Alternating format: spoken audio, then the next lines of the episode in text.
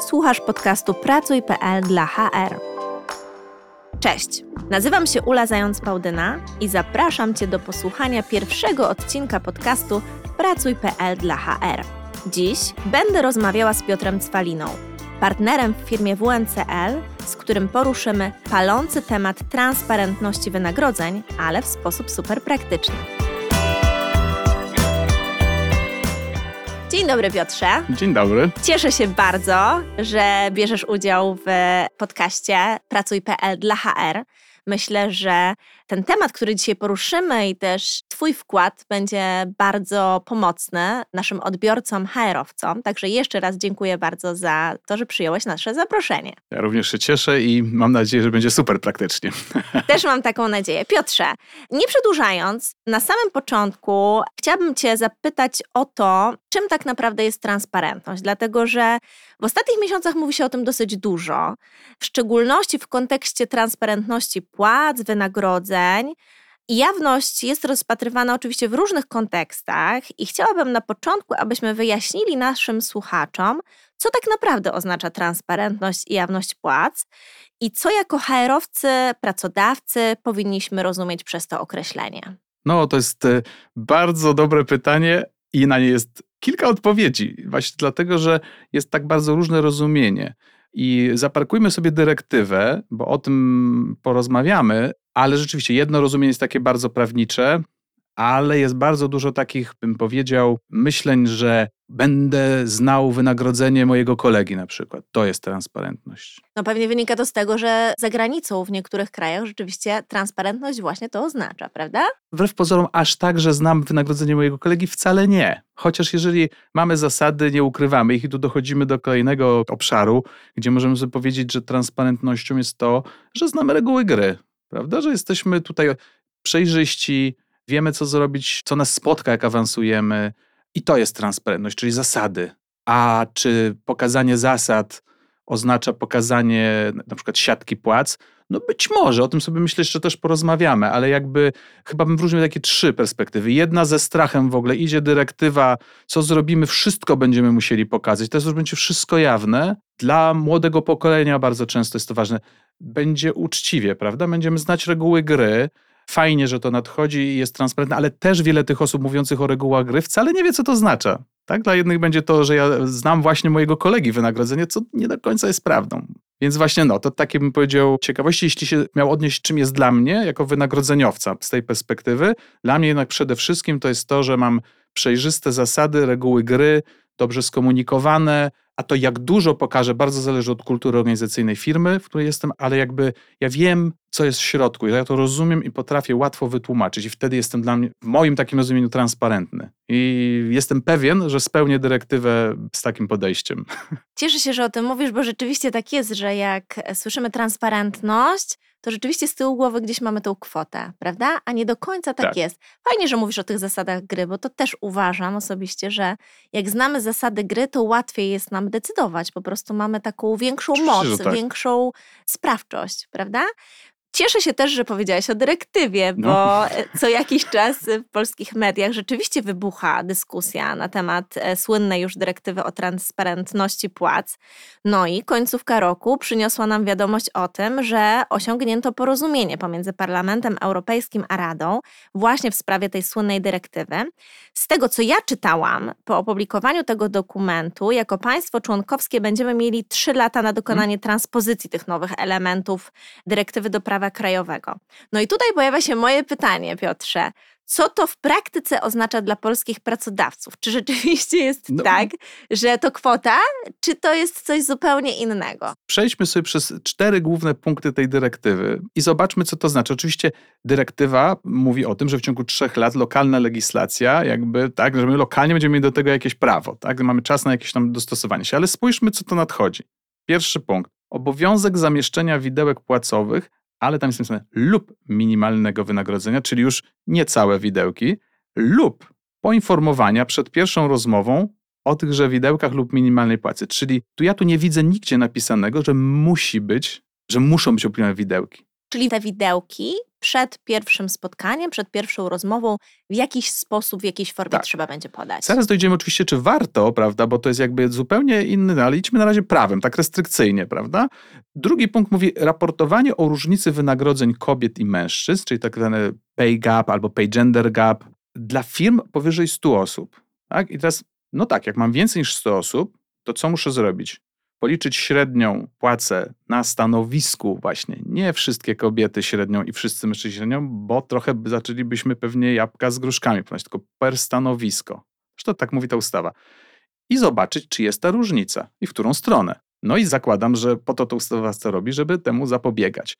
Tak naprawdę tutaj, czy to jest trudne? Jest trudne, jeśli my nie wiemy, jakie mamy stanowiska, nie grupujemy i tak dalej. O tym też porozmawiamy. Ale o to nas prosi prawo i zakładam, że nawet nie mając wszystkiego, jakieś, jakimś przybliżeniem jesteśmy w stanie to sprostać, tak? Ale będziemy musieli to podać. Ludzie się dowiedzą na przykład, że jest różnica, tak? Trzeci taki obszar, pracownicy będą mogli uzyskać informacje o średnim poziomie zarobku w ich firmie na danym stanowisku. Czyli ja jestem Piotr, pracuję jako magazynier i przychodzę do ciebie pracodawco, proszę mi powiedzieć, jaka jest średnia płaca na stanowisku magazyniera. I po pierwsze muszę to powiedzieć, czyli co? No warto by mieć, to policzone, tak? A teraz czy wszyscy liczą w tej chwili, czy tak naprawdę to wiedzą? No to musimy sobie zadać to pytanie. Natomiast nadal nie widzę tu rzeczy bardzo trudnych, no, a jak ktoś ma porządek, to jest to wręcz bardzo łatwe, tak? No i pracodawcy nie będą mogli pytać kandydatów o ich historię wynagrodzenia. Tej praktyki też tak do końca nie było, też w takim savoir-vivre nie było takiego obowiązku, prawda?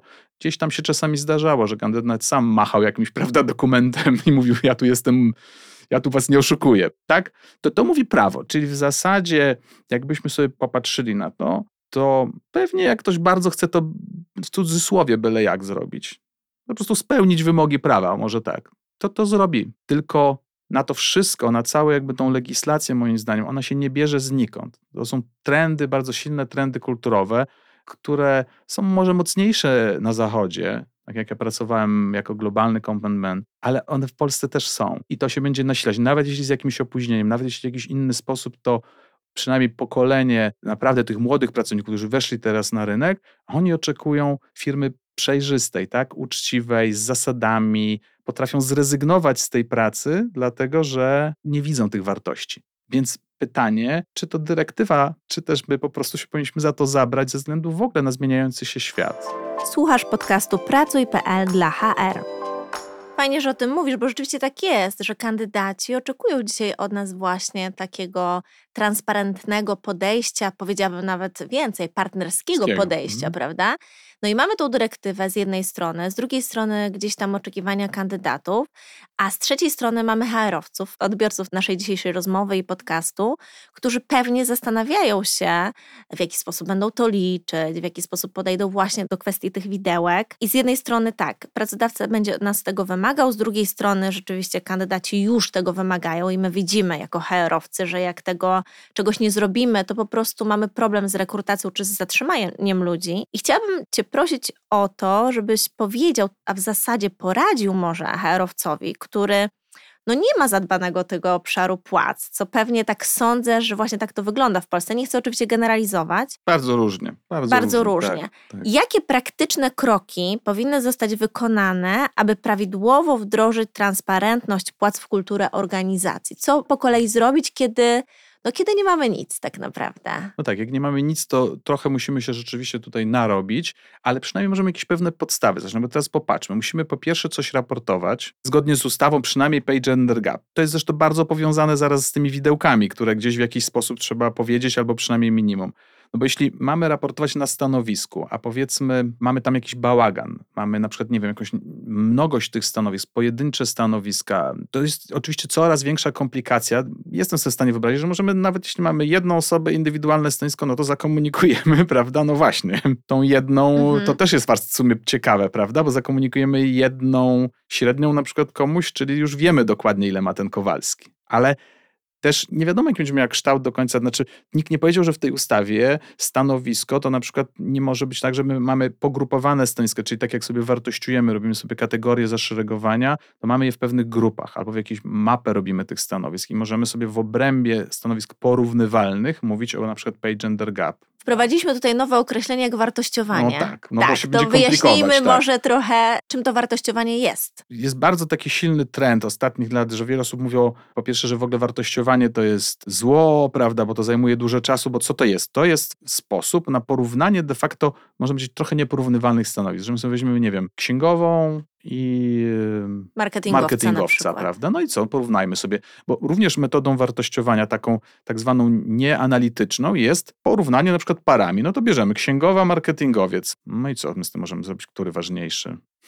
Mhm. Ciężko, prawda? Tak. No więc te metody takie analityczne, wartościowane, one rozbijają jakby na kawałki, czyli mówią, no, patrzą na przykład na element know-how, jakie problemy dotyka to stanowisko, jaką ma odpowiedzialność taką jakby czy finansową, czy takie powiedzmy trzy największe obszary, no i próbuje właśnie zważyć. No i oczywiście to jest pracochłonny proces. Jest też tak, że z części jakby też dostawców takich raportów jakby robi mapowania stanowisk. To jest takie przybliżenie. Ono ma oczywiście ryzyko takie, że jak coś mapujemy, czyli no to trochę po całości to bym powiedział tak, to jest tak dobrze zrobione, jak doświadczenie osoby, która mapuje. Okej, okay, czyli możemy zrobić albo mapowanie, albo wartościowanie. Tak, z czego mhm. mapowanie też może być z pewną formą zwartościowania, tylko rzeczywiście dobrze, żeby to zrobił ktoś, kto na przykład zna dany sektor, wie jak gdzie indziej wygląda instytucja, potrafi jakoś je w hierarchię ustawić, bo to wszystko, całe to wartościowanie prowadzi do tego, żebyśmy mieli hierarchię stanowisk. Do tej hierarchii mamy tabelę zaszeregowań, po polsku mówiąc, grading structure po angielsku i do tego przypisujemy widełki. Mhm.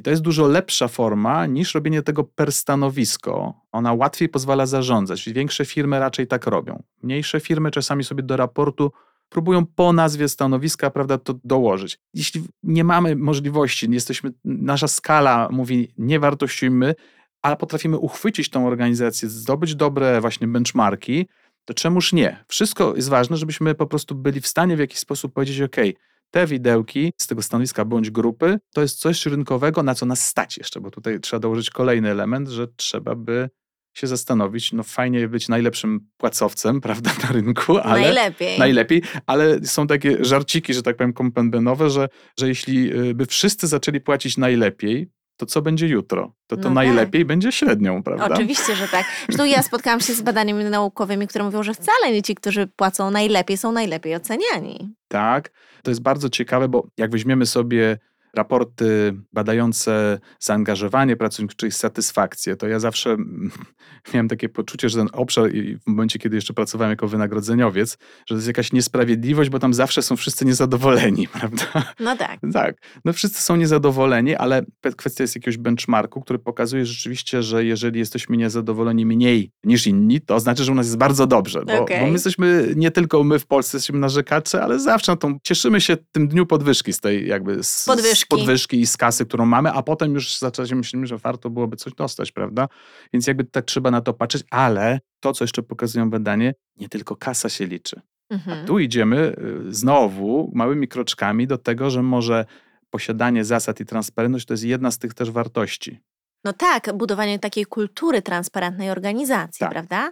Ale powiedziałeś o wartościowaniu, o mapowaniu stanowisk, jako mhm. tej wartości, powiedziałabym takiej bazie, jako baza, do tego, żeby właśnie po pierwsze sprostać wymaganiom dyrektywy, ale po drugie, żeby właśnie wprowadzić tą kulturę transparentnej organizacji. Uważasz, że te dane, które mamy z wartościowania, z mapowania, są dobrym takim narzędziem i też taką wartością, która nam pozwoli na to, żebyśmy wprowadzili transparentność w organizacji? Ona niebagatelnie ułatwi, bo jakby samo wartościowanie to jest pewna droga, prawda? Produktem tego jest siatka płac. Teraz możemy sobie wyobrazić różne poziomy tej transparentności. Możemy powiedzieć tak, że od dołu do góry każdy widzi tą siatkę płac i wie, że jak kiedyś zostanie tym dyrektorem, to tam jest taka perspektywa. Z drugiej strony fajnie się ta organizacja potrafi wytłumaczyć takiej osobie, jaka to jest droga. To już nie jest kompenbenowe, prawda, bardzo. W sensie to już nie płacę, tylko, tylko co ja mogę zrobić w tej organizacji, żeby być tam, ale wiem, co jest tam, prawda? Bo widzę to, widzę całą siatkę. Nie widzę płacy mojego kolegi, ale wiem, że jest od do. Wydaje się, Piotrze, że jak mamy te dane i mamy przerobioną trochę tą ścieżkę właśnie wartościowania czy też mapowania, no to zdecydowanie łatwiej nam będzie nawet decydować o tej transparentności, prawda? Oczywiście, tak, bo bez tego no to trochę ktoś się zapyta, a dlaczego ja jestem w tej kategorii zaszeregowania? Albo jeśli nie ma kategorii, dlaczego uważacie, że to są widełki do mojego stanowiska? Prawda? Jest trudniej to wytłumaczyć. Oczywiście nikt nie mówi, że my musimy aż tak głęboko wchodzić w tą konwersację, ale na przykład, jeśli mamy dobrą metodologię, ona ma ileś lat doświadczeń i jest całkiem logiczna, więc możemy też wytłumaczyć, co spowodowało, dlaczego to jest tu wartościowe. To jest jakby jeden element, to jest siatka, bo jest jeszcze drugi element, na przykład zasad jakiś, na przykład czy w tej firmie, to nie wiem, jest podwyżka zawsze w kwietniu na przykład. I ja wiem, że się mogę tego spodziewać, nie muszę chodzić. Czy ona się opiera o nie wiem, o jakąś ocenę mojej pracy, czy też po prostu jest na przykład, bo inflacja to zawsze albo, albo o jakiś wskaźnik, nie wiem, związany z ebitą, z czymkolwiek, prawda, czy, że wiem, że coś się wydarzy, prawda, czyli niezależnie od mojego awansu, tego, że ja tam mogę w tych widełkach gdzieś się piąć, potem przechodzić na te kolejne, nie tylko w ramach danych widełek, ale w górę, i jakby taki zet, że na przykład moja firma, nie wiem, daje mi na koniec roku coś takiego, co jest popularne chyba bardziej na zachodzie, chociaż też część firm w Polsce to ma. Total Reward Statement, czyli ten taki, można powiedzieć, że ja sobie wtedy widzę wartość moich wszystkich składników i też benefitowych i tak w ogóle widzę, ile na ZUS jest odprowadzone, jakby widzę całość mojego takiego total cashu z podatkami ze wszystkim. No w sumie też fajnie, bo wiele osób sobie nie zdaje kompletnie z tego z sprawy, sprawy tak. Ja pamiętam mhm. już w dawniejszych czasach, że, że czasami pracownicy, którzy odchodzili od firmy, w której na przykład było PP, czyli był fundusz emerytalny i tam było odprowadzane prawie z 8% total cashu w rok w rok na fundusz emerytalny. Dopiero jak część ludzi odeszła, to potem sobie tak patrzyła, mówię, kurczę, to w zasadzie 8% zniknęło, a ktoś dostał, nie wiem, 15% więcej. No i okej, okay, to jest na emeryturę, ale w prywatnym funduszu ten Total Reward Statement już by to pokazał. Ale to jest wszystko, cały taki ekosystem, bym powiedział. I też nie znaczy, że żeby być transparentny, musimy mieć to wszystko, ale to. Właśnie, o to chciałam zapytać. Słuchasz podcastu Pracuj.pl dla HR. Bo co wtedy, kiedy my jako HR-owcy, no nie możemy sobie, czy też organizacja, nie mamy budżetu, nie mamy możliwości do tego, żeby właśnie przeprowadzić to wartościowanie, mapowanie. I ch chcę Ciebie zapytać, bo na pewno słuchacze będą tym zainteresowani, co w takiej sytuacji, co ja jako HR-owiec mogę zrobić w momencie, kiedy nie stać mnie jako organizację. Mhm. Wiem, że nie dostanę tego budżetu na razie, póki co, no a jednak gdzieś z tyłu głowy mam to, że za jakiś czas będzie dyrektywa wprowadzona w Polsce, a z drugiej strony też, no wiesz, czuję ten oddech kandydatów, którzy mówią, no my oczekujemy transparentnej organizacji. Co wtedy? Ja się zastanawiam tak, jeżeli jakoś działamy w jakimkolwiek minimalnym sensie w tej organizacji, czyli na przykład próbujemy zakrutować ludzi, no to jakiś plan na to warto by mieć, prawda? I teraz zderzamy się z tym rynkiem, nawet nie mając kompenbenowca w firmie, prawda, więc zderzamy się z tym rynkiem i widzimy różne problemy, prawda? No czasem to jest takie, wiesz, tak. zderzenie się z ziemią. Rozmawiamy na przykład z firmą rekrutacyjną. Wiele tych firm ma jakiś tam typ raportu z działań rekrutacyjnych, prawda? To już jest jakaś informacja. No exit interview odchodzą nam ludzie, mamy rotację gdzieś tam. Jeśli tam się ciągle pojawia kasa, kasa, kasa, to już też coś nam to mówi, więc no możemy nawet metodą jakichś przybliżeń przynajmniej próbować sobie ustawić jakieś zasady. Czyli zbieramy dane. No tak, bo w ogóle dla mnie HR-owiec, jego podstawa, żeby on w ogóle jakiekolwiek wsparcie do biznesu dał, to jest to, że on się interesuje zewnętrzem. Ja muszę obserwować, co się dzieje nawet w makroekonomii, w podatkach. Ja nie muszę się na tym znać, dokładnie policzyć, ale muszę wiedzieć, prawda? No dobrze, Piotrze, to przykładowo mamy taką sytuację, że chcemy sprawdzić, jakie jest średnie, tak jak mówisz, wynagrodzenie na danym stanowisku, mhm. czy na różnych poziomach stanowisk. Gdzie możemy to sprawdzić? Gdzie zweryfikować takie informacje? Bo rozumiem, że możemy przeprowadzać exit interview, które wiele firm przeprowadza. Możemy pytać podczas rekrutacji kandydatów nawet, no bo to tak. też jest świetne źródło informacji. Jest część darmowych raportów, które można pościągać. Okay. Trzeba je czytać oczywiście oczywiście zastanowić się skąd one pochodzą, jakie jest źródło, bo na przykład jeżeli to są już na przykład, nie wiem, to źródło pochodzi z informacji na przykład zaofertowanych kandydatów, to nam bardzo dużo mówi, ale być może to byli najlepsi na rynku, Prawda? Więc jakby na pewno gdzieś trzeba ostrożnie te sobie dane czytać, ale to jest bardzo cenna informacja nadal, bo wiemy, że to się zdarzyło na rynku, prawda? Że gdzieś tam w takiej grupie stanowisk takie oferty się zamknęły jakby dealem, na tej podstawie powstał raport. I to już to mamy. I to jest bardzo często do pozyskania niekoniecznie za tak duże pieniądze, jakby od profesjonalnej firmy. Oczywiście jest super fajnie, jakbyśmy mogli sobie też mieć taki raport z profesjonalnej firmy, i to są od lokalnych prowajderów, nie będę tu robił kryptoreklamy, tak, ale jakby od, od lokalnych prowajderów po międzynarodowe firmy, jak jest firma międzynarodowa, to musi sobie patrzeć też po różnych rynkach na te dane płacowe, tak, więc jakby to są takie źródła. Czasami ja mówię, zapytaj kolegi, rusz się gdzieś, człowieku, porozwijaj się trochę, a przy okazji na jakiejś konferencji pogadaj.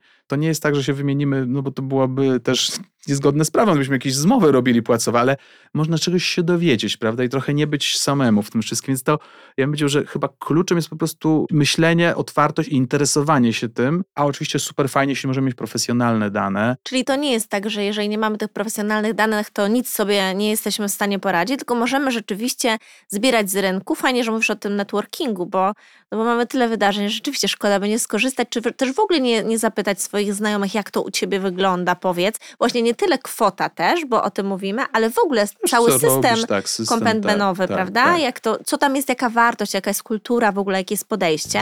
To jest podcast Pracuj.pl dla HR. Rozmawiamy o skutecznej rekrutacji i budowaniu angażującej kultury organizacji dzięki HR. No dobra, no to mamy jedno, czyli gromadzimy te dane, w jakikolwiek sposób tego nie zrobimy. Czy to będzie bardzo profesjonalne, czy też troszeczkę mniej, w zależności od tego, w jakiej sytuacji, w jakiej organizacji jesteśmy, ale co dalej? Co z tym taki HR-owiec powinien zrobić, jak już będzie gromadził i wyrobi w sobie taki nawyk zbierania danych? No jednak próbować doprowadzać do tego, że ma zasady, nawet jeśli one nie są, bo jak się oczywiście poprzemy wszystko super profesjonalnymi badaniami, to jest nam łatwiej bronić pewnych rzeczy, tak? Ale to jest nadal rozmowa też z biznesem i obserwowanie właśnie, bo tego się myślę, obserwowanie wnętrza swojej organizacji, bo jeżeli ja mam jakieś minimum podstawowej analityki, tu się zbliżamy też do liczenia pay gender gap, ale jeśli mamy minimum tej analityki, to my na przykład obserwujemy zdarzenia, większa rotacja gdzieś. Jak większa rotacja, to większą uwagę skupiamy na tym, żeby przejrzeć tamte exit interview, zobaczyć, co tam jest. Mnie jako herowca by to mega interesowało, bo to może nie być kasa, to może być problem z jakimś leadershipem, tak? Ale jeśli wszystko inne mi gra, a każdy mi mówi, po prostu odchodzę, no bo no nie da się, prawda, zawsze mam lepiej, lepiej, to już mi się lampka zapala i nawet jeśli nie zdobędę danych zewnętrznych, to może chociaż te exit interview są już dla mnie sygnałem, że trzeba usiąść i popatrzeć. I teraz oczywiście zderzymy to z tym, czy nas stać, no bo jeśli na przykład w takim super niskomarżowym biznesie, to czasem to jest decyzja o tym, to, to że nie decyzja, że mieć... mamy rotację 30% mhm. i tyle. No po prostu taki jest biznes i wiemy, że musimy inaczej sobie ustawić procesy HR-owe i z tym żyć. Ale fajnie, jak to jest świadoma decyzja, prawda? Jak my po prostu wiemy, że moglibyśmy, nie wiem, zmniejszyć tą rotację, ale to kosztuje X, ale ktoś mówi, nasze stanowisko wdrożymy w dwa tygodnie. Tak? No to okej, okay. ale jak ktoś powie, nasze stanowisko wdrożymy w pół roku, to ja bym podjął taką rozmowę, kochany mój biznesie, ale rotacja też jest kosztem. I mhm. może kawałeczek tego kosztu byśmy wrzucili w ustabilizowanie i, i nie mam do końca pewnego benchmarku, idę z obserwacji, duża rotacja, exit interview i mówię, podnieśmy tu. Kreuję politykę, kreuję politykę. Kończy się to jakimiś widełkami, kończy. Kończy się też jakąś edukacją, że mówimy, słuchajcie, jak ktoś zaczyna, to możemy iść w tu w widełkach. Jak ktoś już jest dłużej, podnoście tą płacę tym osobom, które się sprawdzają, gdzieś takich nawet prostych stanowiskach, już nawet takie rzeczy typu, że ktoś przychodzi do pracy, nie pije i tak dalej, mogą być mhm. świetnym wskaźnikiem, że może jednak bez sensu jest co chwilę zaciągać gdzieś e, z zewnątrz, bo za chwilę mamy inne problemy, absencję, prawda, jakąś wypadkowość i to się wszystko są wiąże, więc im bardziej znowu będę taki analityczny, tym mam więcej w ogóle argumentów do takiej rzetelnej rozmowy, no bo czy to jest trudne? Hmm. Wydaje mi się, że znowu to wszystko prowadzi do słowa ciekawość. Tam była ciekawość otaczającego mnie świata zewnętrznego, a tu ciekawość wewnętrznego, bo nie mówimy o mega skomplikowanych wskaźnikach. Na pewno?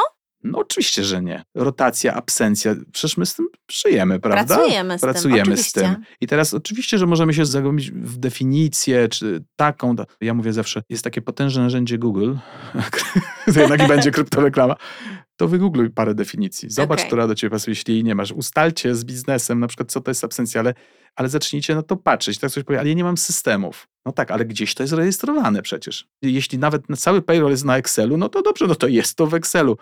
I nie umiem ja jako harowiec, nie znam Excel, nie jestem dobry, może mam przyjaciela jakiegoś w finansach. Ja bym powiedział, że po prostu, żeby próbować ruszyć takie podstawowe rzeczy, nie rzucać się od razu, że usłyszałem, że gdzieś tam właśnie ktoś ma wielki dashboard i ma tam wszystko, może zacznijmy nie od wszystko, prawda, ale zacznijmy, a wtedy już zrobimy sobie podwaliny, bo jak już zaczniemy, uporządkujemy sobie siatkę płac, będziemy mierzyć takie rzeczy, o których ja wspomniałem, to dołożenie tam tego pay gender gap, czy średniej płacy nie będzie trudne. Nie będzie trudne. Dobra, ale co zrobić w takim razie, kiedy rzeczywiście już mamy te dane? To co byś poradził? Od czego zacząć? W takiej firmie, która właśnie, tak jak powiedziałam wcześniej, nie ma jeszcze tej struktury, wszystko jest takie, wiesz, trochę takie bo tak po prostu jest zastane. Patrząc na tą ustawę, to jednak mimo wszystko, niezależnie co pokaże, to powinienem jednak dążyć do tego, żeby mieć zasady, yy, zasady Wynagradzania? wynagradzania. No, proste nawet, ale zasady, czyli co, że ja nawet nie metodą wartościowania, ale że no, będę w stanie powiedzieć, że na tym stanowisku to jednak my taką ofertę dajemy, to, to, to będzie trzeba zrobić. Czyli widełki na przykład na Tak, dane stanowisko, tak. prawda? Tak. Bo dzięki temu tak sobie myślę, łatwiej w ogóle będzie nam i menedżerom podejmować też decyzje jakiekolwiek. Oczywiście, że tak. I możemy też oczywiście sobie od razu wdrożyć, powiedzieć sobie, co oznaczają widełki, bo no, widełki, jak sama nazwa, minimum, maksimum i mamy jakiś środek tych widełek. W takim książkowym podejściu kompenbenowym to dół widełek jest dla kogoś, kto zaczyna, uczy się, nabiera kompetencji takich pełnych na stanowisku. Środek to jest mniej więcej ktoś, kto robi dobrze robotę, a góra to jest ktoś przed awansem albo ktoś, kogo naprawdę chcemy przytrzymać, bo w idealnym znowu świecie, jak mamy nas na to stać, no to tą politykę naszą płacową ustawiamy na środek widełek.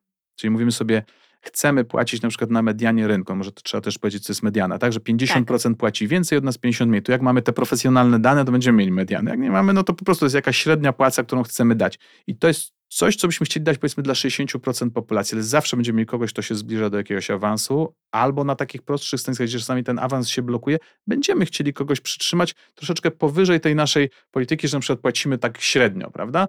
Możemy mieć politykę też, że no płacimy słabiej, prawda? Na przykład poniżej rynku, ale to wtedy ten maks będzie już może w rynku albo ciut powyżej rynku, prawda? I jakby, no i możemy tym grać, prawda? Ale jak to sobie tak wytłumaczymy, to też łatwiej zarządzać, tym łatwiej menadżerowi rozmawiać, prawda? No bo jak on w zasadzie nie wie, skąd się wzięły te dane, co się dzieje, to co on ma powiedzieć takiemu pracownikowi, który mówi, za miedzą dają mi 2000 więcej, koniec, kropka, prawda? I, brakuje jakichś argumentów, chociaż jeszcze możemy poruszyć też wątek, znaczy wrócić do tego wątku, że ta kasa nie jest wszystkim i mam wiele, wiele lat temu takie namacalne dla mnie dowody, że dobry leadership, jakby dbanie o ludzi, dbanie o ich dobrostan powoduje, że ta kasa jest ważna, ale schodzi o parę pięterek niżej i są bardziej skorzy w trudnych momentach, jednak być jakoś tam przeczekać, prawda?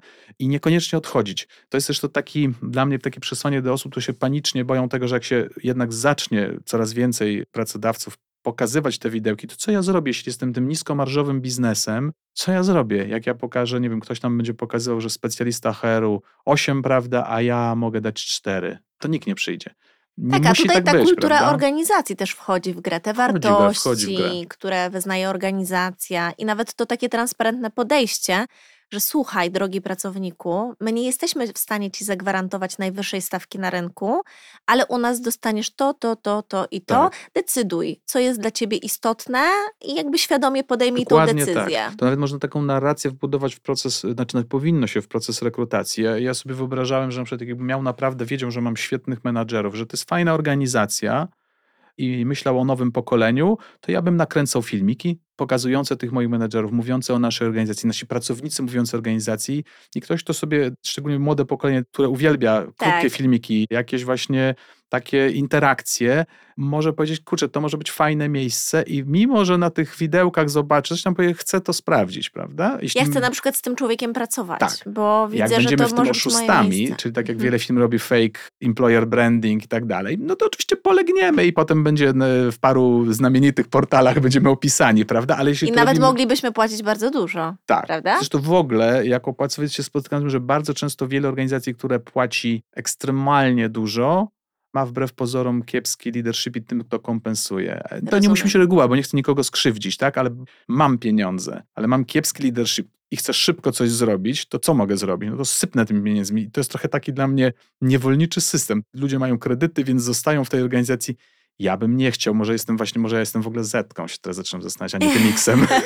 Okej, no właśnie, bo Ale- to nie lata, prawda? Tylko to jak się Nie, czujemy. myślę, że dusza, tak jak się czujemy. Tak. To oczywiście ktoś powie, Piotr, to jest Polska, tak, tu jest ciężko. To, to nie jest tak, że my sobie możemy, Zachód nam tutaj fajnie, oni są bogaci, to sobie mogą rzucać pracę, ale trendy, które przychodzą, one nadal są w Polsce, objawiają się inaczej, prawda? Czyli jeśli mamy ten kiepski leadership, kiepską kulturę, nie mamy reguł gry, to na przykład ten syndrom quiet quittingu, czyli w zasadzie zostania w pracy, ale nie pracowania, jest po prostu tylko silniejszy u nas, bo mniej osób się zdecyduje na powiedzenie dziękuję wam bardzo, prawda? Idę do następnego, on tam e, w widzę w tych widełkach ma mniej, ale jest porządnym pracodawcą. Tak więc jakby w ogóle to jest ciekawe, że w tym myśleniu kompenbenowym, bo teraz znowu tak jakbym miał przesłanie do kompensu, trzeba zacząć w ogóle też szerzej myśleć, dużo i więcej z HR-em jakby też rozmawiać wspólnie. To, to jest ekosystem, tak? Możemy różne strategie sobie robić. Tak, a powiedz, czy jeżeli mamy już te dane, mamy zasady, konkretne wynagradzania i hmm. benefitów i tak dalej, czy coś jeszcze powinniśmy zrobić, właśnie tak myślę w perspektywie i oczekiwań kandydatów, i właśnie podejścia takiego transparentnego, no i tej dyrektywy oczywiście, która gdzieś tam z tyłu głowy jest. Jest chyba już ważny aspekt, żeby się zastanowić, no bo dyrektywa nam coś tam narzuca, prawda? Tak. Ale zastanowić się nad tym, jak my chcemy to komunikować wszystko, prawda?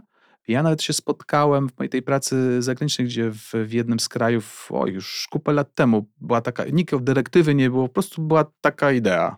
Bardzo fajne efekty. Na przykład oni sobie wymyślili też taki brand tej komunikacji, jakby brand tego, że jesteśmy właśnie tacy rewardowo transparentni. Było obrandowane z rysunkiem, ludzie mieli wytłumaczone zasady, i na przykład efekt był taki, że, że rok po wprowadzeniu tego uważali, że lepiej zarabiają. No nie zauważyłem tego, bo ponieważ też byłem odpowiedzialny tam za koszty w poszczególnych krajach, to tam z 2-3% wzrosło, więc mhm. jest ciekawe skąd oni po, powzięli tę myśl, że są dużo lepiej wynagradzani. No właśnie, więc jakby komunikacja jest ważna. A myślisz tutaj o komunikacji właśnie, bo wiesz, jest komunikacja wewnątrz i, i wewnątrz. I wewnątrz, mhm. na zewnątrz musimy, coś nam narzuca, ale musimy się w ogóle, mi się wydaje, że ja bym powiedział tak, musimy to przegadać w ogóle to jest temat nawet, to jest temat na zarząd. Przegadać, co, to dyrektywa powiedziałem co. Wcale tak, możemy to, możemy to jakoś tam zrobić, prawda? Więc jakby przegadać, co my chcemy na zewnątrz, ale też wewnątrz, dobrze skomunikować, co to oznacza, co my chcemy mówić, przygotować menadżerów, mhm. bo jeśli na przykład, nie wiem, załóżmy, że nawet nie jesteśmy bardzo transparentni, ale spełniamy wymogi ustawy, no to ten się zapyta o średnią, tamten się zapyta o średnią,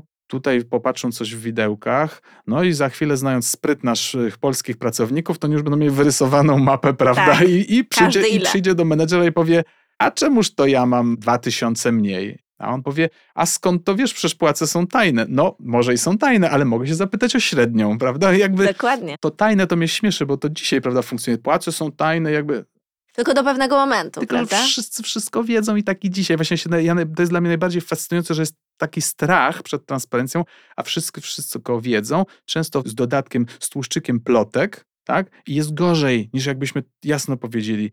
Więc mhm. chyba to jest taki niepotrzebny strach. Mam trochę pytanie z tezą do tego. Czy najpierw na zewnątrz, czy wewnątrz? Bo jakby domyślasz się, o co mi chodzi że teraz często chcąc odpowiedzieć na potrzeby kandydatów, pierwsze co robimy, to idziemy z widełkami, ze stawkami na zewnątrz, niekoniecznie pracując w środku nad mm, tym. Jest... Dodatkowo jeszcze, wiesz, mogę się domyślać, co to wewnątrz powoduje. Natomiast też druga rzecz, która tak mnie osobiście dotyka, to to, że wiesz, publikujemy te widełki na tych stanowiskach, gdzie nas najbardziej interesuje to, bo tam mamy na przykład problemy rekrutacyjne, jakieś wyzwania. No i co o tym myślisz? No tak, albo jest największa konkurencyjność, tak. więc chcemy się przypiąć. No i, i co widzimy w tych widełkach często? Widełki szerokie jak brzegi Wisły, prawda? I teraz co one mi mówią?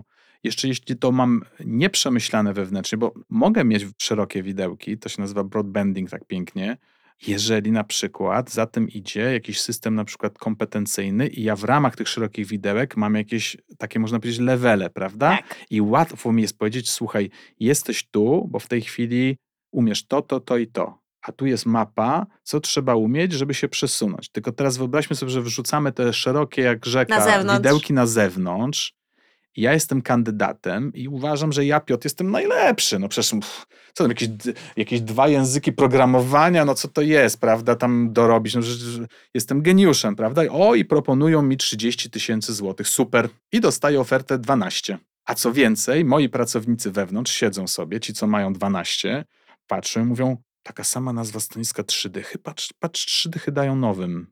I co, no my, mamy, i co my mamy? I co my mamy wtedy we wnętrzu? Mamy tragedię mamy, czyli żeby w ogóle na luzie publikować widełki, trzeba mieć porządek w środku i tak naprawdę to trochę powoduje, że powinniśmy być transparentni, bo inaczej to będzie powodowało problemy. No pierwsze, co bym zrobił, to jak byłaby ta dyrektywa, poszedłbym się zapytał w takim razie o swoją średnią. I teraz wyszłoby, ktoś powiedział mi, średnia twoje załóżmy 14, a ja widzę 30 w widełkach. No to myślę, kurczę, to jakieś coś, prawda? Albo widzę właśnie, nawet widzę to, że od 10 prawda, do 30. Co to kandydatowi mówi od 10 do 30? No niewiele. Niewiele, prawda? Słuchasz podcastu Pracuj.pl dla HR. No mamy jeszcze trochę czasu, a powiedz, kto tak naprawdę, Twoim zdaniem i z Twojego doświadczenia, powinien brać udział w takim projekcie wynagrodzeniowym? No bo domyślam się, że nie tylko HR, przecież tutaj sądzę, że zarząd. Tak. Oczywiście, jeżeli źle myślę, to mnie popraw. Kogo zaangażować właśnie do takiego projektu? tak, no tu rozłóżmy sobie trochę to, bo tak, są małe firmy, gdzie po prostu będzie HR-owiec, tak? Nie będzie miał kompenbenowca, bo w dużej firmie to naturalnie jest kompenbenowiec, ale nie wyobrażam sobie, że nie współpracuję z HR Business Partnerem, po to, żeby zrozumieć o to właśnie też tak, tak naprawdę są wyzwania tacy, i tak dalej. Znaczy są w organizacji. Tacy, tak. ale, no, ale właściciel rozumiem też, no tak. no bo to jest gdzieś tam jednostka Są momenty, gdzie potrzebujemy właściciela albo zarządu, prawda, jako formy właściciela, bo załóżmy, że już wiemy, co się dzieje na rynku. Mamy jakąś propozycję. Załóżmy, że nawet finanse mniej więcej ogarnęły, na co nas stać, prawda? Bo też dużo jest moim zdaniem współpracy też przy finansach, żeby w ogóle sobie zobaczyć na przykład, że te koszty na jakieś ułożenia tej organizacji są takie, co to oznacza dla wyniku, czy nas na to stać, na pewno są... Czyli biznes. Biznes, tak. Bo nie tylko mówimy o kadrach i płacach przecież, prawda? Tak, tak, tylko tak, o biznesie. Tak, tak. I zarządowa najtrudniejsza dyskusja to jest wydyskutowanie strategii wynagradzania, polityki. Czyli powiedzenie sobie, dobrze, to dla tych grup stanowisk względem rynku zachowujemy się tak, dla tych tak. To jest punkt do zrobienia widełek. Bo jeśli my powiemy sobie, dobrze, to taka jest nasza strategia, to tak jak mówiłem, w idealnym świecie wrzucamy ją w środek widełek. No ale liczymy to zaraz potem, patrzymy, ile osób nam odstaje, prawda? To w ogóle z projektów nawet moich, to jest czasami ktoś mówi, nie, no my górny kwartel, chcemy płacić najlepiej. No i potem zderzamy to i wychodzi raptem, o nie, nie, to nie górny kwartel, prawda? Nie stać nas na to. Mhm. No to może tylko dla jakichś tam kluczowych stanowisk, gdzie rzeczywiście jest ta walka, to zróbmy dwie siatki. Tak też się czasami dzieje, prawda? Że mamy różne siatki, w zależności od grup stanowisk. Czyli co, biznes, zarząd, HR-owiec, kompenbenowiec, jeżeli on jest, czy ktoś jeszcze, czy na przykład angażuje się pracowników na przykład w to, takich liniowych, to bardzo, że tak bardzo to ujmę? Zależy, bo to jest tak, jeżeli na przykład robimy duży projekt wartościowania od podstaw, bo tak musimy, to są takie elementy angażowania, bo chociażby nawet, no musimy mieć opisy stanowisk. Mhm. Często się prosi o samoopisanie, tłumaczy się po co jest ten projekt i tak dalej, potem się to oczywiście jakoś tam porządkuje, odsysa z jakichś, prawda, życzeniowych rzeczy wpisanych, ale więc nawet może być tak, że angażujemy organizację mocniej. Jeśli mamy bardziej pracę taką na siatkach, to ja bym powiedział też, że to jest, to jest głównie taka praca z zarządem, z kluczowymi menadżerami, bo z tym biznesem potem to jest bardziej komunikacyjna praca. Słuchajcie, tak to ułożyliśmy, bo, prawda, bo mamy narrację, bo przegadaliśmy z zarządem, wytłumaczenie im na przykład, bo gdzieś jeśli strategia jest gdzieś, że jednak trochę ściskamy te koszty, to wiemy, że tam będzie ciężej. To sobie to powiedzmy uczciwie, zastanówmy się, co możemy robić innego, żeby w tym ciężej wytrwać, prawda? Więc jakby przez biznes nie rozumiejmy, że musimy zaprosić wszystkich w organizacji, żeby pracować. To są delikatne w sumie tematy. To jest podcast Pracuj.pl dla HR. Rozmawiamy o skutecznej rekrutacji i budowaniu angażującej kultury organizacji dzięki HR. Piotrze, powiedzieć, że w ostatnich latach żyjemy w turbulentnym otoczeniu, no to jakbyśmy nic nie powiedzieli, bo ten rynek pracy bardzo mocno odczuwa to, co dzieje się na świecie, jak w ogóle gospodarka się kształtuje. I coraz częściej to pracownicy przychodzą właśnie po podwyżki, na rozmowę o podwyżki, nie tylko w związku z podniesieniem swoich kwalifikacji, no ale też tutaj pojawiają się te podwyżki stricte inflacyjne. I oczywiście Najbardziej komfortowa sytuacja, tak mi się wydaje, jest wtedy, gdy mamy jasne zasady wynagradzania, pracownicy dokładnie wiedzą, kiedy mogą się spodziewać właśnie podwyżki wynagrodzenia. No a co zrobić, gdy takie zasady nie zostały wdrożone w naszej organizacji i jak przede wszystkim wesprzeć menedżerów w tych rozmowach? Bo to nie my, HR-owcy, prowadzimy te rozmowy, tylko zazwyczaj to przełożeni mają na swoim karku te trudne rozmowy z pracownikami. No i to niestety wszystko prowadzi do początków naszej rozmowy o tym zrozumieniu, czego jest na zewnątrz. Bo jakbym chciał pomóc w tej trudnej rozmowie, to najbardziej bym mu w stanie wytłumaczyć, co się dzieje w otoczeniu. Czy rzeczywiście my na przykład wiemy, że nie dopłacamy, a nas na przykład nie stać i wtedy trochę pogadać, no dobrze, to jak możemy, bo może czasami jest tak, że znajdziemy jakieś, nazwijmy to win-win z tym pracownikiem, że na przykład on pewne rzeczy jakieś tam weźmie a my w ten sposób znajdziemy budżet i zrobimy tą podwyżkę. HR-owiec powinien sobie też spojrzeć na przykład, czy ten człowiek w ogóle kiedykolwiek dostał jakąś podwyżkę. Przed, I może na przykład powiedzieć, słuchaj, no on cię ciśnie, prawda, ale zobacz, kurczę, to już jest 6 lat, zero podwyżki. Dla mnie to są dane, bo oczywiście my możemy uczyć jeszcze takich rzeczy miękkich, prawda, jak w ogóle w tej trudnej sytuacji, jak się zachować, czego nie robić, prawda. Jest oczywiście cały wachlarz takich rzeczy, tak zwanych winbacków, czyli jak ktoś już rzucił papierami, czy mu dawać tą podwyżkę, czy nie dawać.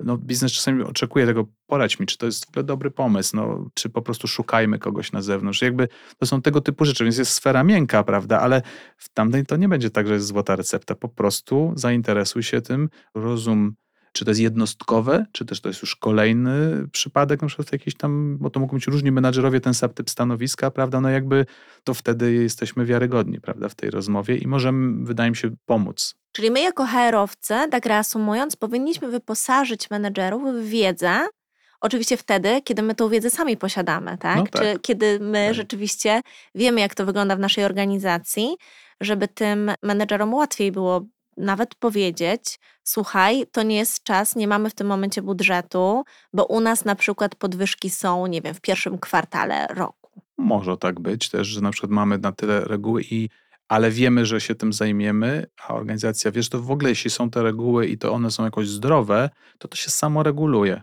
to takie incydenty się wtedy zdarzają i czasami może trzeba się im przyjrzeć, czy coś nie jest na rzeczy. Czy na przykład czegoś nie zmienić, bo tak sobie też tak. myślę, że raz coś zrobione wcale nie oznacza, Oczywiście, że tak, tak musi być cały ciągły. czas. Rynek się może zmieniać i rynek wynagrodzeń i różne rzeczy się mogą po prostu zmieniać, więc to jest proces ciągły. To nie jest tak, że sobie raz obejrzymy i z głowy, prawda? Piotrze, mam wrażenie, że ta rozmowa mogłaby trwać w nieskończoność, bo to jest niesamowicie ciekawy temat. I bardzo Ci serdecznie dziękuję za to, że podzieliłeś się zarówno ze mną, jak i z naszymi słuchaczami tymi wszystkimi informacjami, wiedzą, no i przede wszystkim swoim doświadczeniem właśnie w obszarze wynagrodzeń, płac, transparentności. Dziękuję Ci bardzo. Ja również dziękuję. To był podcast Pracuj.pl dla HR o skutecznej rekrutacji, angażującej kulturze organizacji, a także rozwoju pracowników i budowaniu marki pracodawcy. Jeśli chcesz dowiedzieć się więcej i być na bieżąco, zapraszamy Cię do odwiedzenia profilu Pracuj.pl dla pracodawców na Facebooku lub Pracuj.pl na LinkedIn, na których na co dzień dzielimy się poradami i inspiracjami. Kolejne odcinki znajdziesz w ulubionym serwisie streamingowym, np. Spotify, Google Podcast albo Apple Podcast. Jeśli chcesz otrzymać powiadomienie o nowym odcinku, kliknij przycisk Zasubskrybuj. Podcast powstał we współpracy z agencją Concept PR i Concept Audio.